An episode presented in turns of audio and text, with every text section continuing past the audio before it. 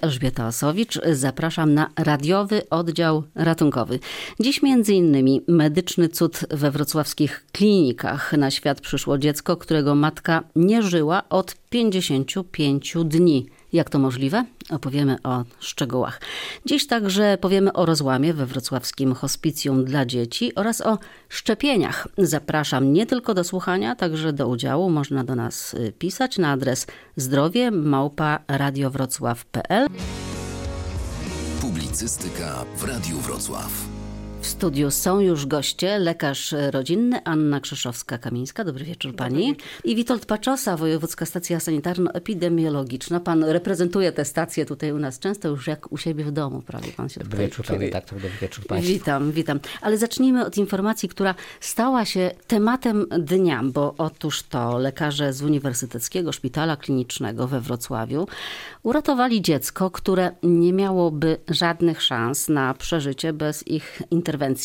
41-letnia kobieta trafiła do kliniki przy Borowskiej z rakiem mózgu. Jej stan był tak ciężki, opowiadają lekarze, że nie mogli już jej pomóc, ale robili wszystko, aby uratować dziecko. To był 17 tydzień ciąży, czyli to była bardzo wczesna ciąża. Trzeba było zrobić wszystko, co możliwe, żeby przedłużyć tę ciążę, tłumaczy szef intensywnej terapii Andrzej Kubler. Takie przypadki są bardzo rzadkie. No jest to niezwykłe wyzwanie dla lekarza, dlatego że z jednej strony widzimy ogromną tragedię, jaką jest śmierć matki i ten żywy płód i takie wyzwanie, czy możemy go uratować. I myśmy wiedzieli właśnie z piśmiennictwa już, że, że można próbować ratować dziecko w tej sytuacji. Problem był taki, że ciąża była stosunkowo wczesna, to był 17 tydzień ciąży i nie było wiadomo, czy my możemy to dotrzymać, podtrzymywanie narządów u kobiety, która praktycznie ma mózg, tak jak przypuszczaliśmy, zupełnie niefunkcjonujący. Więc tylko takie ośrodki niższe mózgu w jakiś sposób podtrzymywały bicie serca, podtrzymywały utrzymanie ciśnienia tętniczego, ale to wszystko by zniknęło, zgasło, gdybyśmy nie stosowali takiego agresywnego bardzo podtrzymywania narządów najnowszymi lekami. Zakażenie, niebezpieczeństwo zakażenia, więc antybiotyki, a tutaj ten płód żywienie, jak żywić, w jaki sposób, bo ten organizm był całkowicie rozregulowany bez czynności mózgu, więc tak codziennie niemal było wyzwanie, codziennie spotykaliśmy się i codziennie myśleliśmy, jak długo damy radę. No, to wszystko było organizowane interdyscyplinarnie, czyli na co dzień byli neonatolodzy i byli położnicy, którzy śledzili funkcję dziecka i myśleliśmy, byliśmy przygotowani, że cięcie cesarskie będzie trzeba zrobić w każdej chwili, kiedy coś się zacznie dziać z dzieckiem. I tak się, tak się stało właśnie po 55 dniach i już było dobrze, a chcieliśmy jeszcze lepiej, bo to był już 27 tydzień, a chcieliśmy tak zgodnie z neonatologami przytrzymać, utrzymać do 30 tygodnia. No ale się nie dało, no, urodził się wcześniak, ale na tyle dobrze funkcjonujący, że, że on, ten Wojtuś, został przy życiu i ten niezwykle dzielny, dzielny ojciec, który był praktycznie co dnia u nas i on był nastawiony bardzo pozytywnie, to znaczy mówił, jakoś to musi być, żeby to dziecko przeżyło i rozumiał o co chodzi. Czytał nawet książki o intensywnej terapii, żeby się, żeby się poduczyć, bo przecież to jest bardzo trudne do zrozumienia dla niefachowca, jak to dziecko może żyć w organizmie, który można uznać za martwy. A tak to niestety jest właśnie w tej specyficznej sytuacji śmierci mózgu.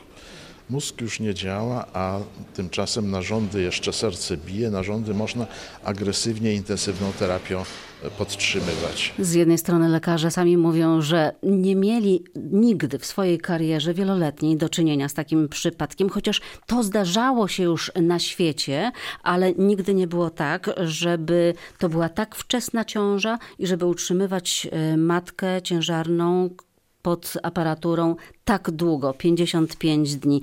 No i dziecko bezpiecznie rozwijało się w ten sposób właśnie przez prawie dwa miesiące. W końcu trzeba było przeprowadzić to cesarskie cięcie.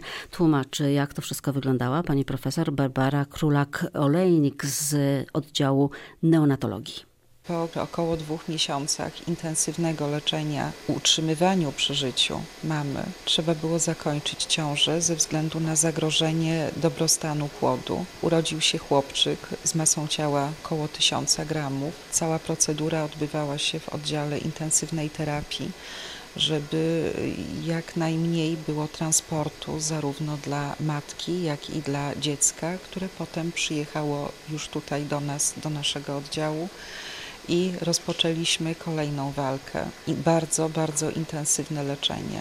Leczenie wymagające olbrzymiego zaangażowania całego personelu w klinice neonatologii intensywnej terapii noworodka bo pacjent niedojrzały, pacjent y, obciążony y, czynnikami ryzyka, y, niepowodzeń wynikających z bardzo intensywnego leczenia matki, stymulujących pracę serca, podnoszących ciśnienie, regulujących y, zaburzenia metabolizmu, co miało olbrzymi wpływ na rozwój płodu, ale też na stan noworodka po urodzeniu, bo podobne problemy przełożyły się już na małego człowieka, którego mieliśmy u siebie w oddziale czyli spowodowana skrajną, skrajnym wcześniactwem, niewydolność oddechowa, na którą nałożyła się infekcja wewnątrzmaciczna, która była przyczyną zakończenia ciąży w 26 tygodniu,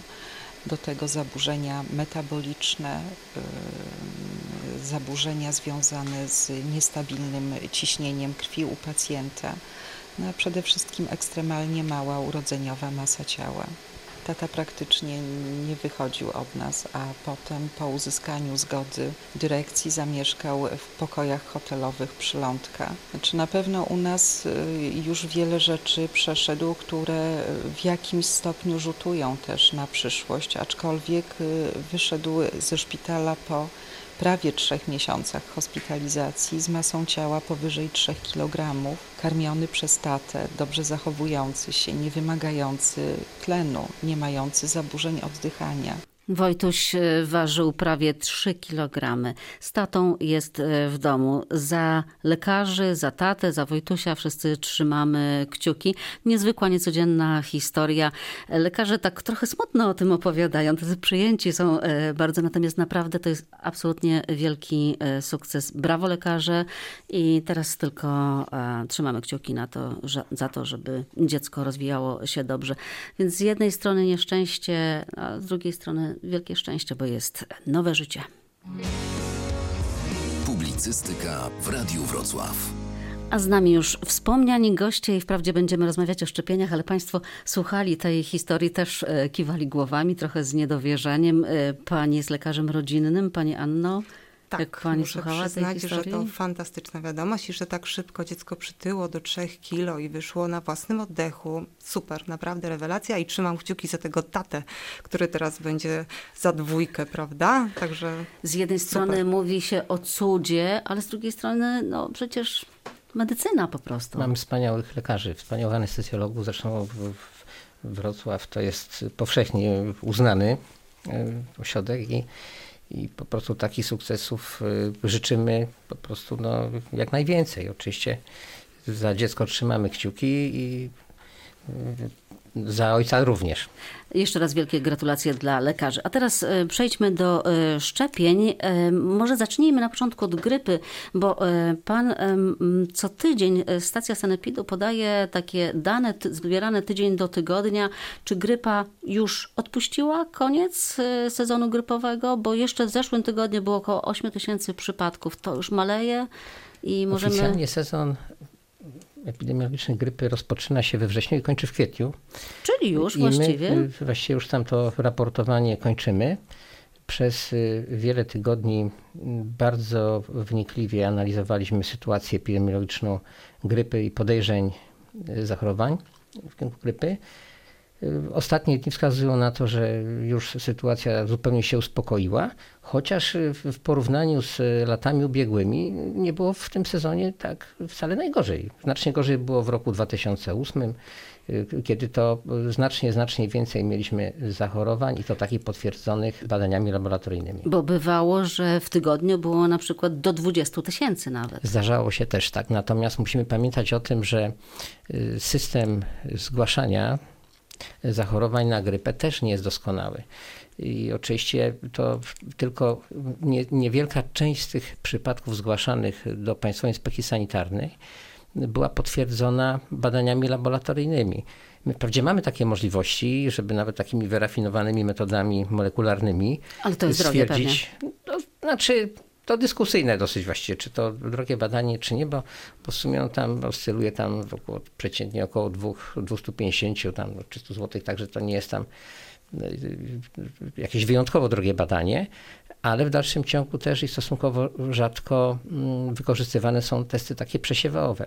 Po prostu no, trudno się dziwić, dlatego że dla lekarza, do którego zgłasza się pacjent y, z objawami wskazującymi na grypę, to w zasadzie sprawa jest jednoznaczna, bo leczenie jest podobne i w zasadzie to dla nas to jest istotne. No właśnie, ale to I... pan mówi z perspektywy sanepidu, a pani z y, okiem y, kogoś, kto jest w gabinecie i spotyka się z ludźmi, jak ten sezon wyglądał? Było e... dużo tego, bardzo więcej, mniej? Nie, według mnie zgodziłam się z danymi statystycznymi, że grypy w tym roku było mniej, natomiast cały czas bardzo dużo różnych różnych przeziębień, przewlekających się katarów, zapaleń uszu u dzieci, no i wiatrówka, która od 3 czy 4 tygodni tak dość intensywnie tu atakuje. Właśnie o wiatrówce za chwilę jeszcze skończmy z tą grypą, bo rzeczywiście w tych najtrudniejszych przypadkach powikłanych, e, szczególnie kiedy mieliśmy do czynienia z wirusem AH1N1, no tam doszło do e, kilku zgonów. Ostatecznie sezon kończymy siedmioma, ośmioma to znaczy przypadkami. Tych, tych zgonów było kilka, ale było znacznie mniej niż na przykład w roku 2013 2013, żebyśmy wiedzieli, co się po prostu dzieje z grypą y, na obszarze województwa dolnośląskiego. Od kilku lat y, uczestniczymy wraz y, z grupą dolnośląskich lekarzy w realizacji takiego systemu monitoringu sytuacji epidemiologicznej grypy Sentinel. I co tam z niego wychodzi? I to są po prostu mm, lekarze skupieni w ośmiu ośrodkach na obszarze pięciu powiatów i tych 34 lekarzy, jeżeli tylko zjawią się u nich pacjenci, u których objawy mogą wskazywać na grypę, pobierają materiał do badań wirusologicznych i w porozumieniu z właściwymi państwowymi powiatowymi inspektorami sanitarnymi ten materiał jest po prostu przesyłany do badania.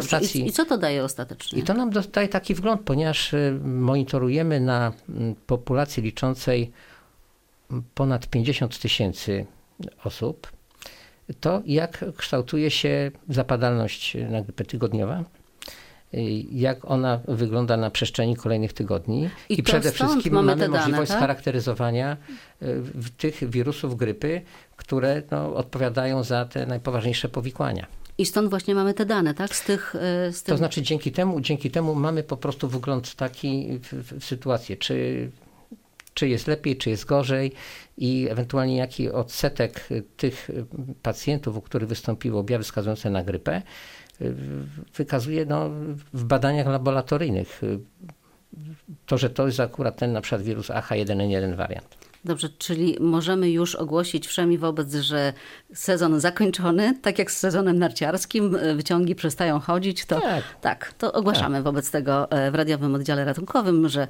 sezon grypowy zakończył się, ale będzie nowy nieuchronnie. Przyjdzie nowy e, sezon, przyjdzie jesień i znowu będzie grypa. O szczepienia chciałam zapytać. Jakie, e, bo te dane, które ja, do których mam dostęp, no to są po prostu wstrząsające, bo to jest e, poniżej 10% osób, które się szczepią na grypę? O, jest znacznie gorzej. Gorzej jeszcze. Co roku sporządzamy sprawozdanie ze szczepień obowiązkowych i zalecanych i okazuje się, że w roku 2015 jedynie około 2,3% dolnoślązaków zaszczepiło się przeciw grypie. przed dwoma laty to było 2,4%. To jeszcze w połowie lat 80. ten odsetek osób, które zaszczepiły się przeciwko grypie, tak oscylował około 8%. Tak było, takie były dane. Także jest- 2,3%. jest- jest kiepsko. Pani doktor, to przychodzą do pani e, pacjenci i pani nie mówi im, żeby się szczepili przeciwko grypie? Mówię. I co oni na to? Niestety pacjenci mówią, że nie, nigdy do tej pory nie chorowali na grypę, więc nie ma po co się szczepić, że ta szczepionka na pewno szkodzi. Oni czytali w internecie, albo sąsiadka powiedziała, a sąsiadka jak ostatnio się zaszczepiła, to tak ciężko chorowała jak nigdy dotąd. To są takie typowe zdania od pacjentów, które słyszymy, jak poruszamy temat szczepień, tak? Bardzo dużo wysiłku kładziemy, żeby szczepiły się osoby po 65 roku życia, osoby obciążone dodatkowymi chorobami, chorobami serca, płuc, nerek, ponieważ sama grypa przeczołga pacjenta, tak? Bóle mięśni, gorączka są nieżywi, natomiast boimy się powikłań, zapaleń płuc, zapaleń serca, niewydolności krążeniowo-oddechowej, tak? To, to, to jest to, czego się mm, boimy najbardziej i to jest to, przeciwko czemu szczepienie przede wszystkim chroni, tak? Ono może nas nie ochronić przed pierwszymi objawami, że połamie nas w kościach i zagorączkujemy, ale dużo bardziej chroni właśnie przed powikłaniami. No niestety, chwilowo e, chyba internet i doktor Google jest mądrzejszy niż my i wzbudza większe zaufanie wśród pacjentów, niestety. 2,3% to jakieś wstrząsające Bardzo wskaźniki. mało. E, nie wiem, bo nie prowadzę u siebie statystyk, tak? Na pewno 2008-2009 pacjenci, dużo więcej pacjentów się szczepiło. W tym roku widać było w praktyce, że nie było w październiku, w listopadzie takiego nawału szczepień, jak było kiedyś. Ale z czego to wynika? Bo to jest tak, że z roku na rok mówi się o tym, przynajmniej w mediach, my mówimy coraz więcej. Te szczepionki są też no, nie droższe, tylko e, tańsze. Są bardzo dostępne, a szczepi się mniej.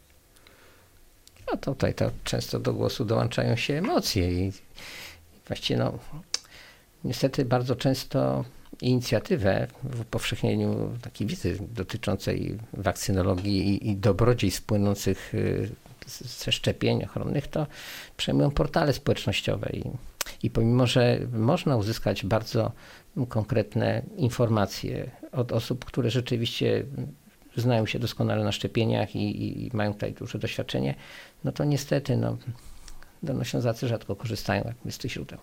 To jeszcze powiedzmy jasno, za i przeciw. Dlaczego warto się e, zaszczepić? E, dlaczego nie warto e, właśnie ryzykować? warto się szczepić, żeby uniknąć poważnych powikłań, tak, żeby dbać o swoje zdrowie. Natomiast przeciw, no nie bardzo znam tutaj przeciw, tak? Jest część osób, która może źle reaguje po tych szczepionkach. Tak jak pani profesor Brenda Kręcewicz mówi, jeśli źle reagowałeś po szczepionce, miałeś gorączkę, bardzo cię bolało wszystko, znaczy, że właśnie mocno zareagowałeś na nią, tak? Pacjenci się tego boją, mówią, to ja już nie będę się nigdy więcej szczepić, bo takie objawy po szczepieniu miałem. A te słynne właśnie powikłania poszczepienne, bo to, To na są- to to są- powołują się tak- właśnie tak ci naprawdę przeciwnicy. To są, to są po prostu mity i stereotypy, dlatego że w województwie dolnośląskim mieliśmy w roku 2015 mm, ponad, mm, ponad 500 tysięcy dzieci i młodzieży do 19 roku życia, którzy byli objęci obowiązkowymi szczepieniami ochronnymi. Nie Zarys- tylko teraz pan mówi o grypie, tylko w ogóle wszystkimi, tak? tak, tak. Mhm. A zarejestrowanych było tylko 130, u 136 osób, 136 osób. Na pół miliona. Zostały tak zgłoszone niepożądane czyny poszczepienne, przy czym zdecydowana większość, bo u 121 osób to były y, łagodne bardzo takie y, niepożądane czyny poszczepienne. Zwykle co roku mamy od 5 do 6 poważnych y, niepożądanych czynów poszczepiennych w województwie. Jeśli przyjąć skalę tych, że tak powiem, szczepień, które przeprowadzono, to, to, to jest, to nawet nie jest to procent, to jest właściwie to promil, tam można powiedzieć. Ale to jest niesamowite, bo w momencie, kiedy mm, otwiera się internet właśnie, otwiera się jakieś fora dyskusyjne, to tam jest, są setki wypowiedzi właśnie osób, które mówią, nie będę się szczepić. Natomiast kiedy ja proszę, może teraz e, też proszę o taki telefon osoby, która e, właśnie ma odmienne zdanie, bo my tutaj w trójkę jesteśmy zwolennikami e, szczepień. Natomiast może ktoś chce nas przekonać i podać argumenty przeciwko szczepieniom. Szczepieniom, to ja zapraszam. 71 339 90 60. Chętnie wysłuchamy i tu eksperci odpowiedzą. Nie grozi Państwu za to żadna kara za taki telefon. Możemy o tym rozmawiać, można się wymieniać argumentami. Ja zapraszam, jeżeli ktoś również nie chce rozmawiać na antenie, może zatelefonować i możemy porozmawiać poza anteną. Można do mnie napisać zdrowie małpa radiowrocław.pl. Zapraszam osoby, które są odmiennego zdania i może spróbujemy porozmawiać e, na argumenty. Czekam na taką e, rozmowę. Wiatrówka wywołana e, przez panią to jest coś, co wydaje się, że to takie łagodne, takie właściwie nic, ale posłuchajmy na początek rozmowy z jedną z mam, która trafiła do wrocławskiej kliniki chorób infekcyjnych dla dzieci z bardzo poważnymi objawami u dziecka. Nasz starszy synek y, ośmioletni y, ze szkoły mm, się zaraził ospą. No i przed świętami był chory, później mu przeszło, no i pod koniec trzeciego tygodnia właśnie pojawiły się pierwsze chrostki u naszego dziesięciomiesięcznego synka. E, ale powiem szczerze, że nie spodziewałam się, że będzie to taki makabryczny przebieg, bo tak naprawdę synek jest wysypany od stóp do głów, ma bardzo dużo różnych pęcherzy i niestety Część z nich się nadkarzyła i zostaną mu blizny, także bardzo ciężko to przechodził. Nie gorączkował co prawda, ale miał bardzo dużo wysypek, które się sączyły. On drapie, bo jest już duży, rączkami rozściera. Także bardzo ładny chłopczyk, bardzo ładna buźka, a niestety zostaną blizny. Był szczepiony? Nie był szczepiony, bo był jeszcze za mały, to po pierwsze, a po drugie e, tak naprawdę no, trochę z, mojej nie, nie, z mojego niedoinformowania e, to wynika. No bo rodzice z zasady wydaje mi się, że chcą jak najlepiej dla swoich dzieci, natomiast kiedy chodzi się do pediatry, to przeważnie przed każdym gabinetem jest mnóstwo ulotek, głównie pneumokoki, rotawirusy. Nigdy nie spotkałam żadnej informacji na temat ospy, odry i takich innych chorób, które są przecież też niebezpieczne, a o których jakby nie ma informacji tak naprawdę. One nie są dostępne. Pediatrzy też nas o tym. Nie zdarzyło się, żeby mi pediatra, mam synka ośmioletniego, więc chodzę regularnie do lekarzy i nikt nigdy mi nie zasugerował i nie powiedział, e, żeby zaszczepić przeciwko ospie. Każdy e, człowiek jest inny, każde dziecko jest inne i jedno dziecko przechodzi tą ospę lżej, a inne ciężej. Naprawdę synek jest wysypany od stóp do głów i no, ja nie mogę tego przeżyć, że będzie miał te blizny. Wygląda no, strasznie i cierpi. Najgorsze, że cierpi. Rotawirusy już jest zaszczepiony, na pneumokoki będzie, a o ospie jakby no mi to umknęło. Mi to umknęło, a nie miałam informacji, bo jak dostaję wykaz y, szczepienia obowiązkowe, szczepienia nieobowiązkowe, które można wziąć, to, y, to się zastanawiam. Można się zgubić w tej liście? Można, można, ale uważam, że y, na pewno wszystkim znajomym to będę mówić, żeby szczepili wszystkie swoje maluchy. Pani Anna już wie, że szczepić trzeba. Zresztą ona nigdy nie mówiła, że jest przeciwniczką jakiegokolwiek szczepienia. Chodzi do tej przychodni, szczepi, ale tak jak mówi, ta ospa gdzieś tam się z nią nie zetknęła. To jest jakoś tak bagatelizowane i e, jakby mniej się zwraca na to uwagę? Rzeczywiście pokutuje u nas, że ospa jest taką bardzo łagodną chorobą. E, na szczęście te powikłania zdarzają się bardzo rzadkie. Rzeczywiście im mniejsze dziecko, e, tym jest większe ryzyko ciężkiego przebiegu.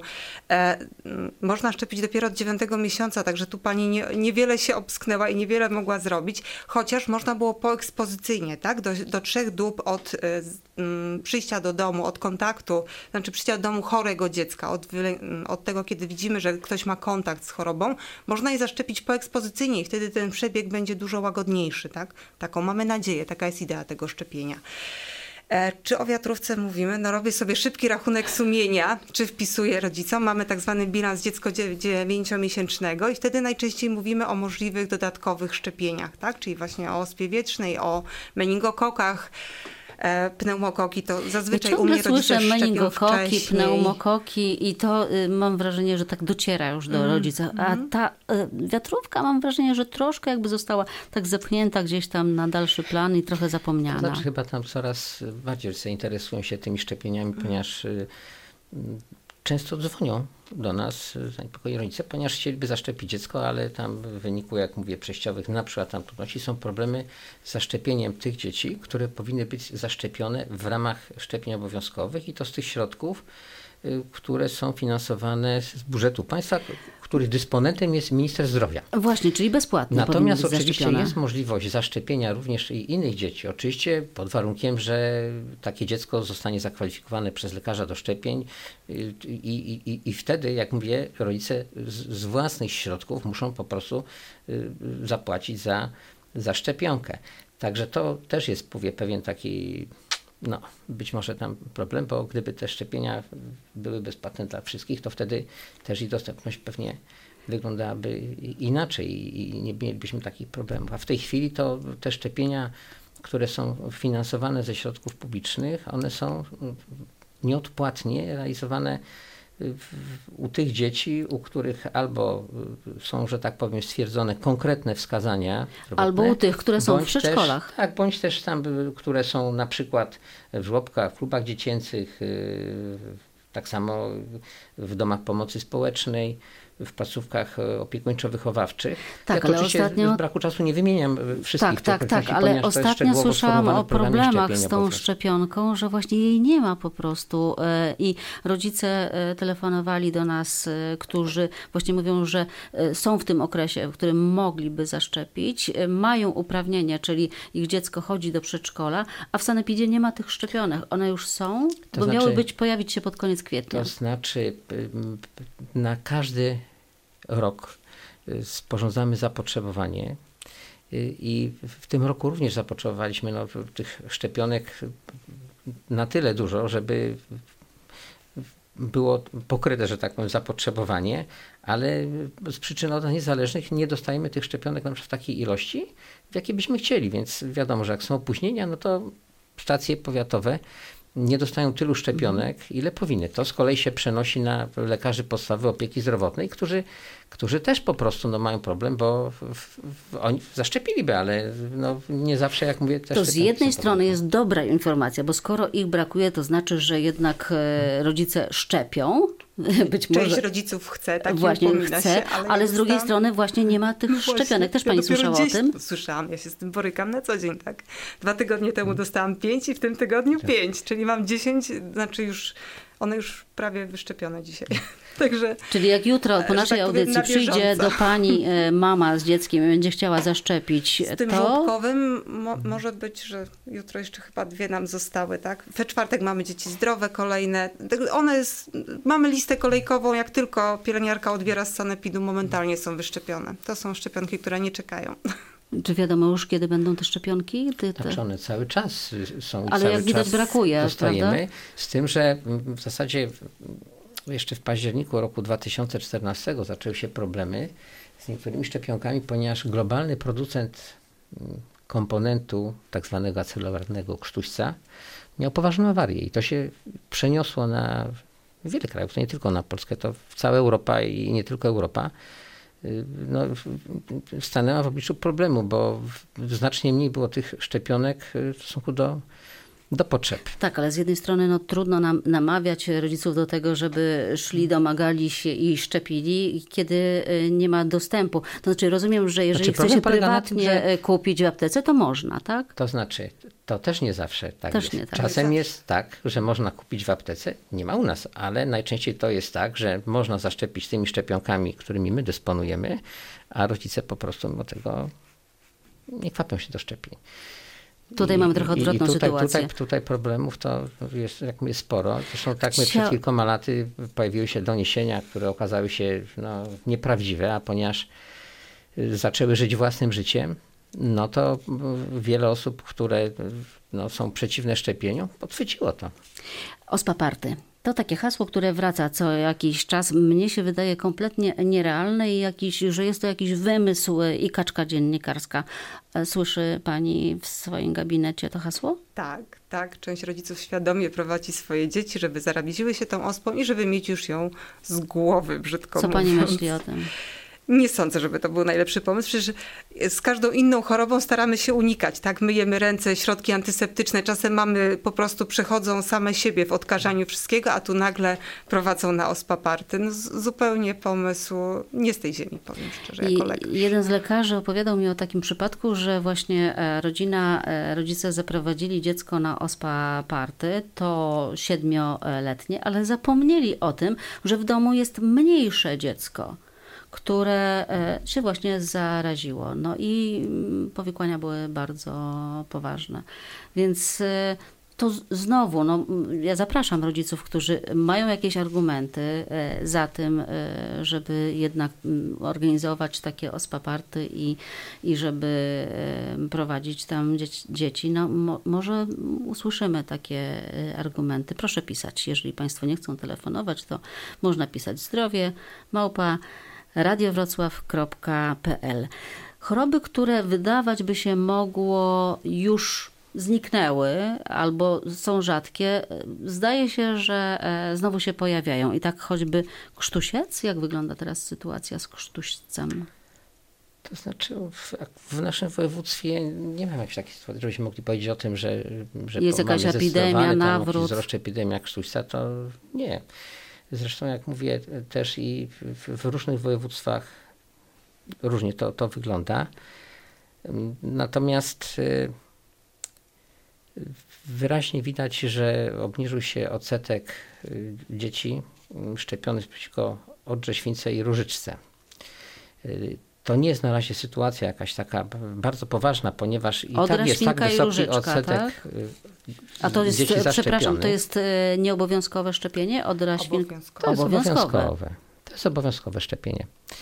I, i ponieważ narosło tam szereg oczywiście mitów tam o szkodliwości szczepień, które tak naprawdę nie mają tam obiektywnych podstaw, no ale emocje robią swoje, teorie spiskowe również żyją własnym życiem i, i dlatego jak mówię, no trudno tutaj niektórych rodziców przekonać do dobrodziejstw płynących y, z szczepień ochronnych i, i, i tutaj nawet wobec niektórych rodziców y, państwowi patowi inspektorzy sanitarni y, no, wszczynają postępowanie egzekucyjne. No. Jak, ile takich przypadków jest na Dolnym Śląsku?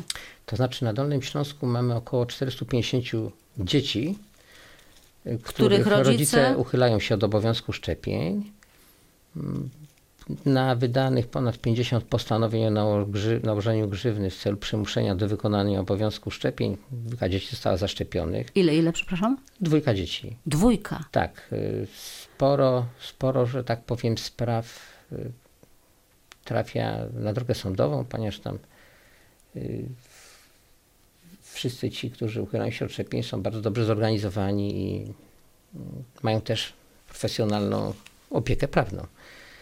Y, sama procedura jest skomplikowana, długotrwała. No to widać po tych liczbach, choćby 450 y, przypadków, z tego 50 wydanych decyzji i to dwa znaczy, i następne skuteczne. postępowania też będą y, prowadzone niezwłocznie wobec tych osób, które uchylają się od szczepień.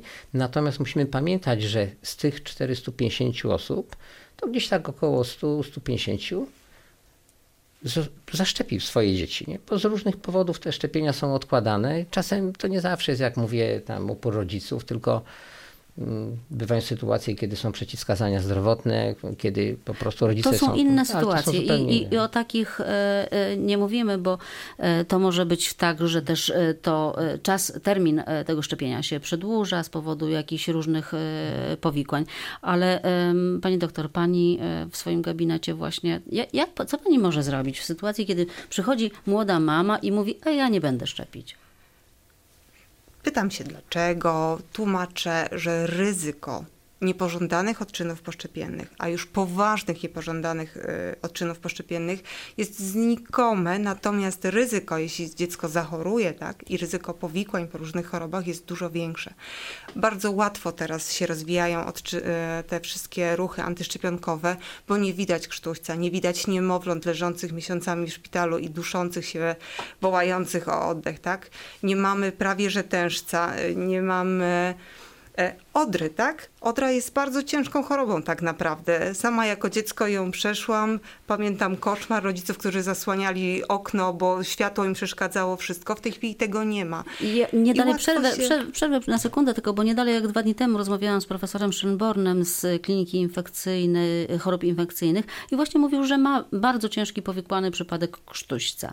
Więc to mm, nie do końca jest tak, że tego nie ma. Tak samo odra w zeszłym roku, czy... Cztery przypadki mieliśmy, ale w- przed dwoma laty mieliśmy też ognisko y, odry. O tym w roku głoś- 2012 głośno, to tak, było bo to- dość głośno wtedy, bo tych przypadków mieliśmy więcej.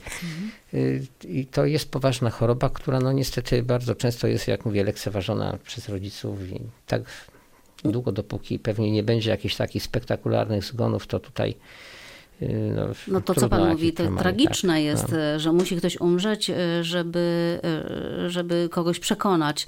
Ale rzeczywiście słucham takich opowieści młodych mam, które mówią, no nie, to jest moje dziecko i ja decyduję i nikt nie może mnie zmusić. A były też kary finansowe, które można nałożyć na osoby uchylające się od tych obowiązkowych szczepień. To znaczy wobec takich osób państwowi patowi inspektorzy sanitarni mogą wszcząć postępowanie egzekucyjne w administracji. Y, I to się oczywiście rozpoczyna od y, najpierw od, y, od Informacji, rozmów, umówienia. od tak. informacji, od przekonania rodziców o celowości szczepień i, że tak powiem, oddaleniu wszystkich, że tak powiem, wątpliwości co do wszystkiego, co, co złe, bo oczywiście trzeba pamiętać, że mogą zdarzać się niepożądane czyny poszczepienne, no niemniej jednak y, tutaj w zestawieniu z korzyściami, które płyną ze szczepień, no to w- y, sytuacja jest zupełnie jasna i dopiero y, wtedy, kiedy rodzice lub opiekunowie dziecka nie podejmują nic w tym kierunku, przesyłane jest do nich upomnienie. Jeżeli nie zareagują na upomnienie właściwie wyznaczonym terminie, wtedy inspektor powiatowy przesyła wniosek do wojewody dolnośląskiego. A tak się składa, że Dolnośląski Państwowy Wojewódzki Inspektor Sanitarny we Wrocławiu upoważniony został przez wojewodę dolnośląskiego do pełnienia funkcji organu egzekucyjnego. I wtedy uruchomiona jest cała machina poprzez wydanie postanowienia o nałożeniu grzywny w celu przymuszenia do wykonania obowiązku szczepień. Oczywiście w takiej sytuacji zdecydowana większość rodziców składa do ministra zdrowia zażalenie na postanowienie, zgłasza zarzuty na postępowanie egzekucyjne. To oczywiście, jak mówię, przeciąga całą sprawę. Niemniej jednak no, prędzej czy później te sprawy trafiają do Wojewódzkiego Sądu Administracyjnego, a następnie do Naczelnego Sądu Administracyjnego. I, i tak naprawdę to, To trwa po to, to, prostu. to długo trwa i A dziecko rośnie i cały No. czas jest na, e, narażone. Ja sprawdziłam właśnie pocztę e, zdrowie małpa radiowrocław.pl. Nikt ze zwolenników e, z ruchu antyszczepionkowego się e, nie odezwał, ale cały czas e, czekam na, na argumenty. E, To jest też tak, że mm, jest cała olbrzymia grupa rodziców, która mówi, że no nie weźmie na siebie takiej odpowiedzialności, żeby nie szczepić, wręcz przeciwnie, domaga się więcej i, i, i więcej. I też e, mają się pojawić nowe szczepionki w tym zestawie e, obowiązkowym, bezpłatnym. E, co nowego, na co nowego mogą liczyć rodzice? Od 2017 roku jest projekt, żeby pneumokoki weszły jako obowiązkowe i refundowane przez państwo. Pneumokoki, jeszcze proszę tylko wyjaśnić, to jest na co? E, To jest, są paciorkowce, które wywołują zapalenie uszu, zapalenie zatok, zapalenie gardła, opon mózgowo-rdzeniowych, zapalenie płuc. E, Najczęstsze u dzieciaków w tej chwili są uszy, zdecydowanie. E, No i szczepionka ta obniża częstość, tak? Jest projekt i dzieci mają tańsze z tych dużych rodzin. Projekt we Wrocławiu mamy i rzeczywiście widać, że te dzieciaki chorują trochę mniej. Jest zainteresowanie tą szczepionką. Tak, tak. Tutaj rodzice muszę przyznać, że e, korzystają z tego projektu. I od 2017 roku e, będą te szczepienia w tym pakiecie. Znaczy, E, Taki jest projekt. To znaczy ogłoszony został przed kilkoma dniami komunikat Głównego Inspektora Sanitarnego w sprawie programu szczepień ochronnych na rok 2017. Na razie w roku bieżącym cały czas jeszcze obowiązuje program szczepień ochronnych na rok 2016. To jest jakaś, to, to, to jest dobra wiadomość. To znaczy Dla tych, którzy jest, chcą szczepić. Znaczy zespół ekspertów y, powołany przez ministra zdrowia, który po prostu czuwa nad tym, żeby wszystkie zapisy w programie szczepień obowiązkowych odpowiadały po prostu potrzebom i, i co tu dużo mówić. No, w każdym kraju program szczepień jest tak skonstruowany, że jest on wypadkową wielu czynników, tam, począwszy od sytuacji epidemiologicznej zakażeń i chorób zakaźnych, skończywszy na, na kondycji Państwa. ekonomicznej państwa. No taka prawda jest. E, Tutaj w tej, e, w tych, tej, tej liście e, szczepień zalecanych, obowiązkowych, a potem zalecanych, ile tych szczepień tak naprawdę jest? I czy, bo niektórzy rodzice mówią o tym, że można się po prostu zgubić w gąszczu tych e, szczepionek. Myślę, że w tej chwili rodzice gubią się w gąszczu nazw i ilości preparatów, bo tak naprawdę szczepień nie przybyło za dużo w obowiązkowym ani w zalecanym kalendarzu szczepień. Troszeczkę jest więcej tych, którzy wyjeżdżają gdzieś za granicę, tak? Ale tu w Sanepidzie bardzo jasno uzyskują zawsze informacje, co gdzie wyjeżdżając mają sobie doszczepić. Natomiast tych podstawowych myślę, że gubią się przede wszystkim w nazwach. E, W tej chwili w książeczkach zdrowia bardzo ładnie mają uszeregowane wszystko po kolei, co mają szczepić z obowiązkowych. Właśnie chciałam zapytać o te szczepionki, o te książeczki zdrowia, bo e, czy to jest tak, że pani przypomina, czy pani, y, ktoś w przychodni pilnuje tego, że a pani Nowak e, już miała być w zeszłym tygodniu, a jeszcze jej nie było i powinna zaszczepić. Ktoś telefonuje, ktoś przypomina, czy rodzic musi tego wszystkiego pilnować sam? Nie, wszystkie dzieci są wzywane. Wzywane są raz, drugi, trzeci, jeśli się nie stawiają, dostają list polecony. No i potem już zawiadamiamy sanepid, że ewentualnie się nie zgłosiły, tak? Ale to Problem- jest obowiązek przychodni, czy to Tak. jest dobra wola? Znaczy, jeśli się nie zgłaszają, oczywiście tak. I mam takie To są zapisy, które rodzin. wynikają z e, ustawy e, z 5 grudnia 2008 roku o zapobieganiu, zakażeniu, zwalczaniu zakażeń chorób zakaźnych ludzi. I to jest taki właśnie wymóg ustawowy. Czyli jeśli nawet rodzic nie pamięta, zaniedbał, zapomniał, zgubił książeczkę, to przychodnia przypomni Tak. o tych obowiązkowych przynajmniej. tak. Natomiast jest jeszcze problem, o którym być może już e, w innym pro, e, programie e, będzie trzeba porozmawiać, ale mam wrażenie, że wiele osób dorosłych gdzieś te swoje książeczki już dawno zgubiło i kiedy ma 20-30 lat, jak ostatnio mnie zapytano, czy ja byłam szczepiona, czy ja przechodziłam e, wiatrówkę, bo wchodziłam właśnie na oddział, gdzie było mnóstwo dzieci chorych e, na wiatrówkę. Mówię, chyba tak, ale to było 40 lat temu, nie pamiętam dokładnie. jest takie pewne rozporządzenie zdrowia, które dotyczy dokumentacji medycznej w- i też odrębne rozporządzenie ministra zdrowia w sprawie szczepień obowiązkowych. I tam jest powiedziane, jakie tutaj obowiązki i jakie obowiązują zasady gry przy dokumentowaniu szczepień. Także tak naprawdę ten lekarz, który kwalifikuje do szczepień, to też posiada w siebie kartę szczepień. Jeżeli Ma pan, pacjent e, jest niezadowolony, Ale ma pan takie przekonanie, że ta karta szczepień moja sprzed 40 lat jeszcze gdzieś jest, bo ja naprawdę nie pamiętam już, gdzie ona mogła być. Ale to jest inny zupełnie temat. Musimy kończyć, bo jeszcze kilka tematów zostało nam e, do opowiedzenia przed końcem audycji. Ja przypomnę tylko, naszymi gośćmi była pani e, Anna Krzyszowska-Kamińska, lekarz rodzinny. Dziękuję najmocniej za wizytę w studiu i Witold Paczosa z Wojewódzkiej Stacji Sanitarno-Epidemiologicznej. Publicystyka w Radiu Wrocław. I jeszcze jeden temat, o którym, który zapowiadałam już wcześniej. We Wrocławiu powstało Stowarzyszenie Hospicjum dla Dzieci Dolnego Śląska. To nowa organizacja, która proponuje domową opiekę paliatywną dla najmłodszych. O podziale we wrocławskim hospicjum mówiliśmy w naszych dzisiejszych serwisach informacyjnych. Gośćmi Doroty Czubaj byli założyciele tego nowego stowarzyszenia. Barbara Arabska, Agnieszka Więckiewicz, Anna Gim, Gimgumowska i Krzysztof Szmyt. Posłuchajmy e, rozmowy o tym, jak e, zamierza działać nowe stowarzyszenie. Wszyscy, którzy to stowarzyszenie tworzą, są osobami, które w opiece paliatywnej w, w ramach fundacji od lat pracowały. Jesteśmy po prostu pracownikami e, hospicjum, którzy stworzyli nową organizację i pod tą formą prawną będziemy teraz działać.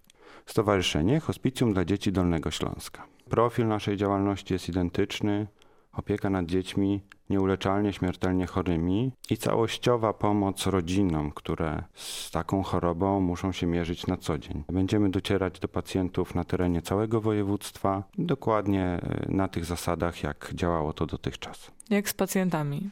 Mamy dotąd osoby, które należały i były pod opieką fundacji. Czy Państwo już mają swoich nowych pacjentów i jak to będzie wyglądało? Rozpoczęliśmy przyjęcia i jesteśmy otwarci na zgłoszenia pacjentów do nas. Może ja powiem, że mogą to być pacjenci nowi, a mogą to być też e, dotychczasowi pacjenci. Pacjenci teraz będą mieli e, Mhm. wybór, jeśli chodzi o opiekę. My w te wybory w żaden sposób nie, nie ingerujemy. To jest każdorazowo wybór e, pacjenta i jego rodziny. Kto wchodzi w skład tego stowarzyszenia? Kogo Państwo mają, kogo Państwo potrzebują, bo być może trwa jeszcze jakaś rekrutacja. W tym momencie mamy pełen skład stowarzyszenia. W naszym stowarzyszeniu są przede wszystkim lekarze, pielęgniarki, psycholodzy, osoby duchowne, e, a także inne osoby, które nam na co dzień pomagają. Ważne jest również to, że są z nami wolontariusze, którzy wspierają nasze działania, którzy wiele lat również opiekowali się e, rodzinami dzieci nieuleczalnie chorych. Także cały nasz zespół jest zespołem bardzo doświadczonym, profesjonalnym i naszym głównym celem jest niesienie pomocy nieuleczalnie chorym dzieciom na terenie Dolnego Śląska. My działamy według tej samej zasady, jak opieka paliatywna była zorganizowana wcześniej. E, Mamy podpisany kontrakt z Narodowym Funduszem Zdrowia. W związku z tym nic w zasadach opieki się nie zmienia, czyli do domu pacjenta przyjeżdża potrzebny personel medyczny, pielęgniarki, lekarze, psycholodzy, osoby duchowne, tak jak koleżanka wspomniała, a coraz częściej też wolontariusze i na tym także nam bardzo zależy. I pracujemy z całą rodziną, próbując sprawić, żeby życie rodziny z tak trudną chorobą stało się choć trochę łatwiejsze. Kontrakt z Narodowym Funduszem Zdrowia to jedno, ale podejrzewam, że Państwo, jak każda organizacja tego typu, potrzebują pieniędzy. Jak można Państwu pomóc? Potrzebujemy w zasadzie wszystkiego na tym etapie rozwoju. Jeśli idzie o 1%, sytuacja jest o tyle skomplikowana, że prawo przewiduje, iż dopiero po dwóch latach działalności można się o pozyskiwanie 1% starać. Ta ścieżka jest dla nas zamknięta. Zwykle darczyńców jest wielu i nieraz okazywało się, że, że w trudnych sytuacjach zawsze się znajdzie jakaś pomocna dłoń i my też dzisiaj z takim nastawieniem ruszamy do przodu. Oprócz tego są instytucje państwowe typu gminy, powiaty, miasta, które także dysponują programami, z których można skorzystać. No i tak jak wspomniałem, będziemy pozyskiwać środki z Narodowego Funduszu Zdrowia. Ja bym chciała powiedzieć, co nam jest dzisiaj najbardziej potrzebne. E, Dzisiaj do pracy są nam potrzebne samochody. Nasz zespół zdecydował się na razie korzystać z własnych prywatnych aut, żeby dojeżdżać do pacjentów, więc jeśli ktokolwiek ze słuchaczy ma samochód, który chciałby nam przekazać na rzecz naszego hospicjum dla dzieci, e, będziemy bardzo wdzięczni. Potrzebujemy również sprzętu medycznego i materiałów medycznych dla naszych pacjentów, a więc koncentratorów tlenu, ssaków, pulsoksymetrów. Potrzebujemy środków, aby móc zakupić taki sprzęt dla naszych e, dzieci. Nasz numer konta można znaleźć na naszej stronie internetowej hospicjum-dolnyśląsk.pl. Tam są wszelkie informacje, jak można nam pomóc, jak można nas wesprzeć. Będziemy też starali się pomóc w rehabilitacji. Jeśli uda się, to e, też e, jakby socjalnie może wesprzeć nasze rodziny. Może ktoś ze słuchaczy jest fizjoterapeutą i chciałby wolontaryjnie wspomóc nasze rodziny. Serdecznie zapraszamy wszystkich. Państwo wyłonili się z Fundacji Wrocławskie Hospicjum dla Dzieci. Czy pacjenci mają powody do obaw? Nie, nie, nie, nie, nie ma żadnych powodów do obaw, bo opieka jest, działamy. Ci, którzy w tym momencie pracują w fundacji, opiekują się pacjentami z ramienia fundacji, a osoby, które przychodzą do stowarzyszenia, rozpoczynają opiekę, czasami z nowymi osobami, a czasami z pacjentami, których już znaliśmy wcześniej. Także tutaj cały nasz wysiłek wkładamy przede wszystkim w to, żeby pacjenci nie odczuli zmiany i, i nikt nie ucierpiał na tym. Jesteśmy też e, przekonani, wiemy to, że e, rodziny naszych pacjentów na co dzień borykają się z tyloma różnymi trudnościami, troskami i, i stresami, że naprawdę ostatnią rzeczą, których, której byśmy dla naszych rodzin chcieli, byłoby dokładanie im kolejnego powodu do zmartwienia i niepokoju. I podobne deklaracje składa Beata Hernik-Janiszewska, prezes Fundacji Wrocławskie Hospicjum dla Dzieci. Na Dolnym Śląsku opieka paliatywna rozwija się od wielu lat. Pacjentów przybywa. Na tą chwilę jest ich ponad 70. Czeka kolejna 15 dzieci. Myślę, że niezależnie od tego, czy to jedna organizacja, czy cztery organizacje e, na Dolnym Śląsku, które już istnieją, będą miały co robić. I uważam, że tworzenie nowych, a w tym roku powstały dwie takie organizacje, też będą działać efektywnie i pożytecznie na rzecz y, potrzebujących dzieciaków. I myślę też z jednej strony, że spadła z nas trochę taka odpowiedzialność. Odpowiedzialność w cudzysłowie monopolisty, który opiekę paliatywną na Dolnym Śląsku na swoich barkach niósł. To naprawdę też duża odpowiedzialność, y, ponieważ y, no, w zależności od tego, ile też personelu chce pracować, jakie mamy możliwości finansowe, więc my myślę, że jest to y, dobry krok i tak jak powiedziałam, każdy z nas naprawdę będzie miał co robić. Na obecną chwilę zatrudniamy ponad 100 osób, włącznie z rehabilitantami. Jeśli chodzi o lekarzy, współpracujemy obecnie y, z sześcioma, niektórzy zwiększyli swoje etaty. Będziemy też oczywiście rekrutować y, nowych lekarzy. Jeśli chodzi o personel pielęgniarski, 16 osób pracowało i właściwie nadal pracuje część do y, maja, część do końca lipca. Y, wczoraj też zaczęliśmy rekrutację. W związku z tym myślę, że temat obronimy, ponieważ będziemy chcieć no, realizować to, do czego byliśmy stworzeni. Część personelu medycznego przeszła do innej organizacji, więc będą pomagać na pewno dzieciakom. Zdecydowanie więcej jest pacjentów niż pieniędzy. Zatem trzeba było wprowadzić e, pewne organizacyjne zmiany e, związane z budżetowaniem najzwyczajniej w świecie. Zeszły rok, jak Państwo mogą wejść na naszą stronę i sprawdzić sprawozdanie finansowe, skończony był minusem. Zatem, aby odpowiedzialnie pomagać, trzeba było podjąć decyzje związane z jakby budżetowaniem, pilnowaniem pieniędzy. No i mam nadzieję, że ten rok i to sprawozdanie finansowe właśnie pokaże skutek tych zmian. W mojej ocenie jest jak najbardziej pozytywny. Część personelu medycznego e, nie do końca e, zgodziła się e, ze zmianami wewnętrznymi, organizacyjnymi. W związku z tym przecież każdy przecież ma wolną wolę i może realizować e, swoje zadania, rozwijać swoje kompetencje i wykorzystywać swoją wiedzę w innych strukturach. I personel medyczny e, częściowo, oczywiście, e, częściowy w sensie ilości, stworzył organizację pozarządową i tam przeszli i myślę będą też na rzecz tych samych bądź też nowych pacjentów, no robić to, co potrafią najlepiej. Myślę, że są to sprawy techniczne, z którymi sobie poradzimy. Myślę, że absolutnie rodzice e, nie mają się czego obawiać, bo dalej realizujemy swoje zadania, współpracujemy z 90 rehabilitantami, kupujemy leki, sprzęt medyczny nieodpłatnie wypożyczamy. Także mamy ręce naprawdę pełne roboty i czasami e, faktycznie nie wystarcza nam tych rąk, żeby sprostać e, oczekiwaniom wszystkich tych, którzy tej pomocy potrzebują, a naprawdę coraz więcej osób się zgłasza. Od przybytku głowa nie boli. Dziękuję najmocniej Państwu za uwagę. Zapraszam do pisania zdrowie małpa radiowrocław.pl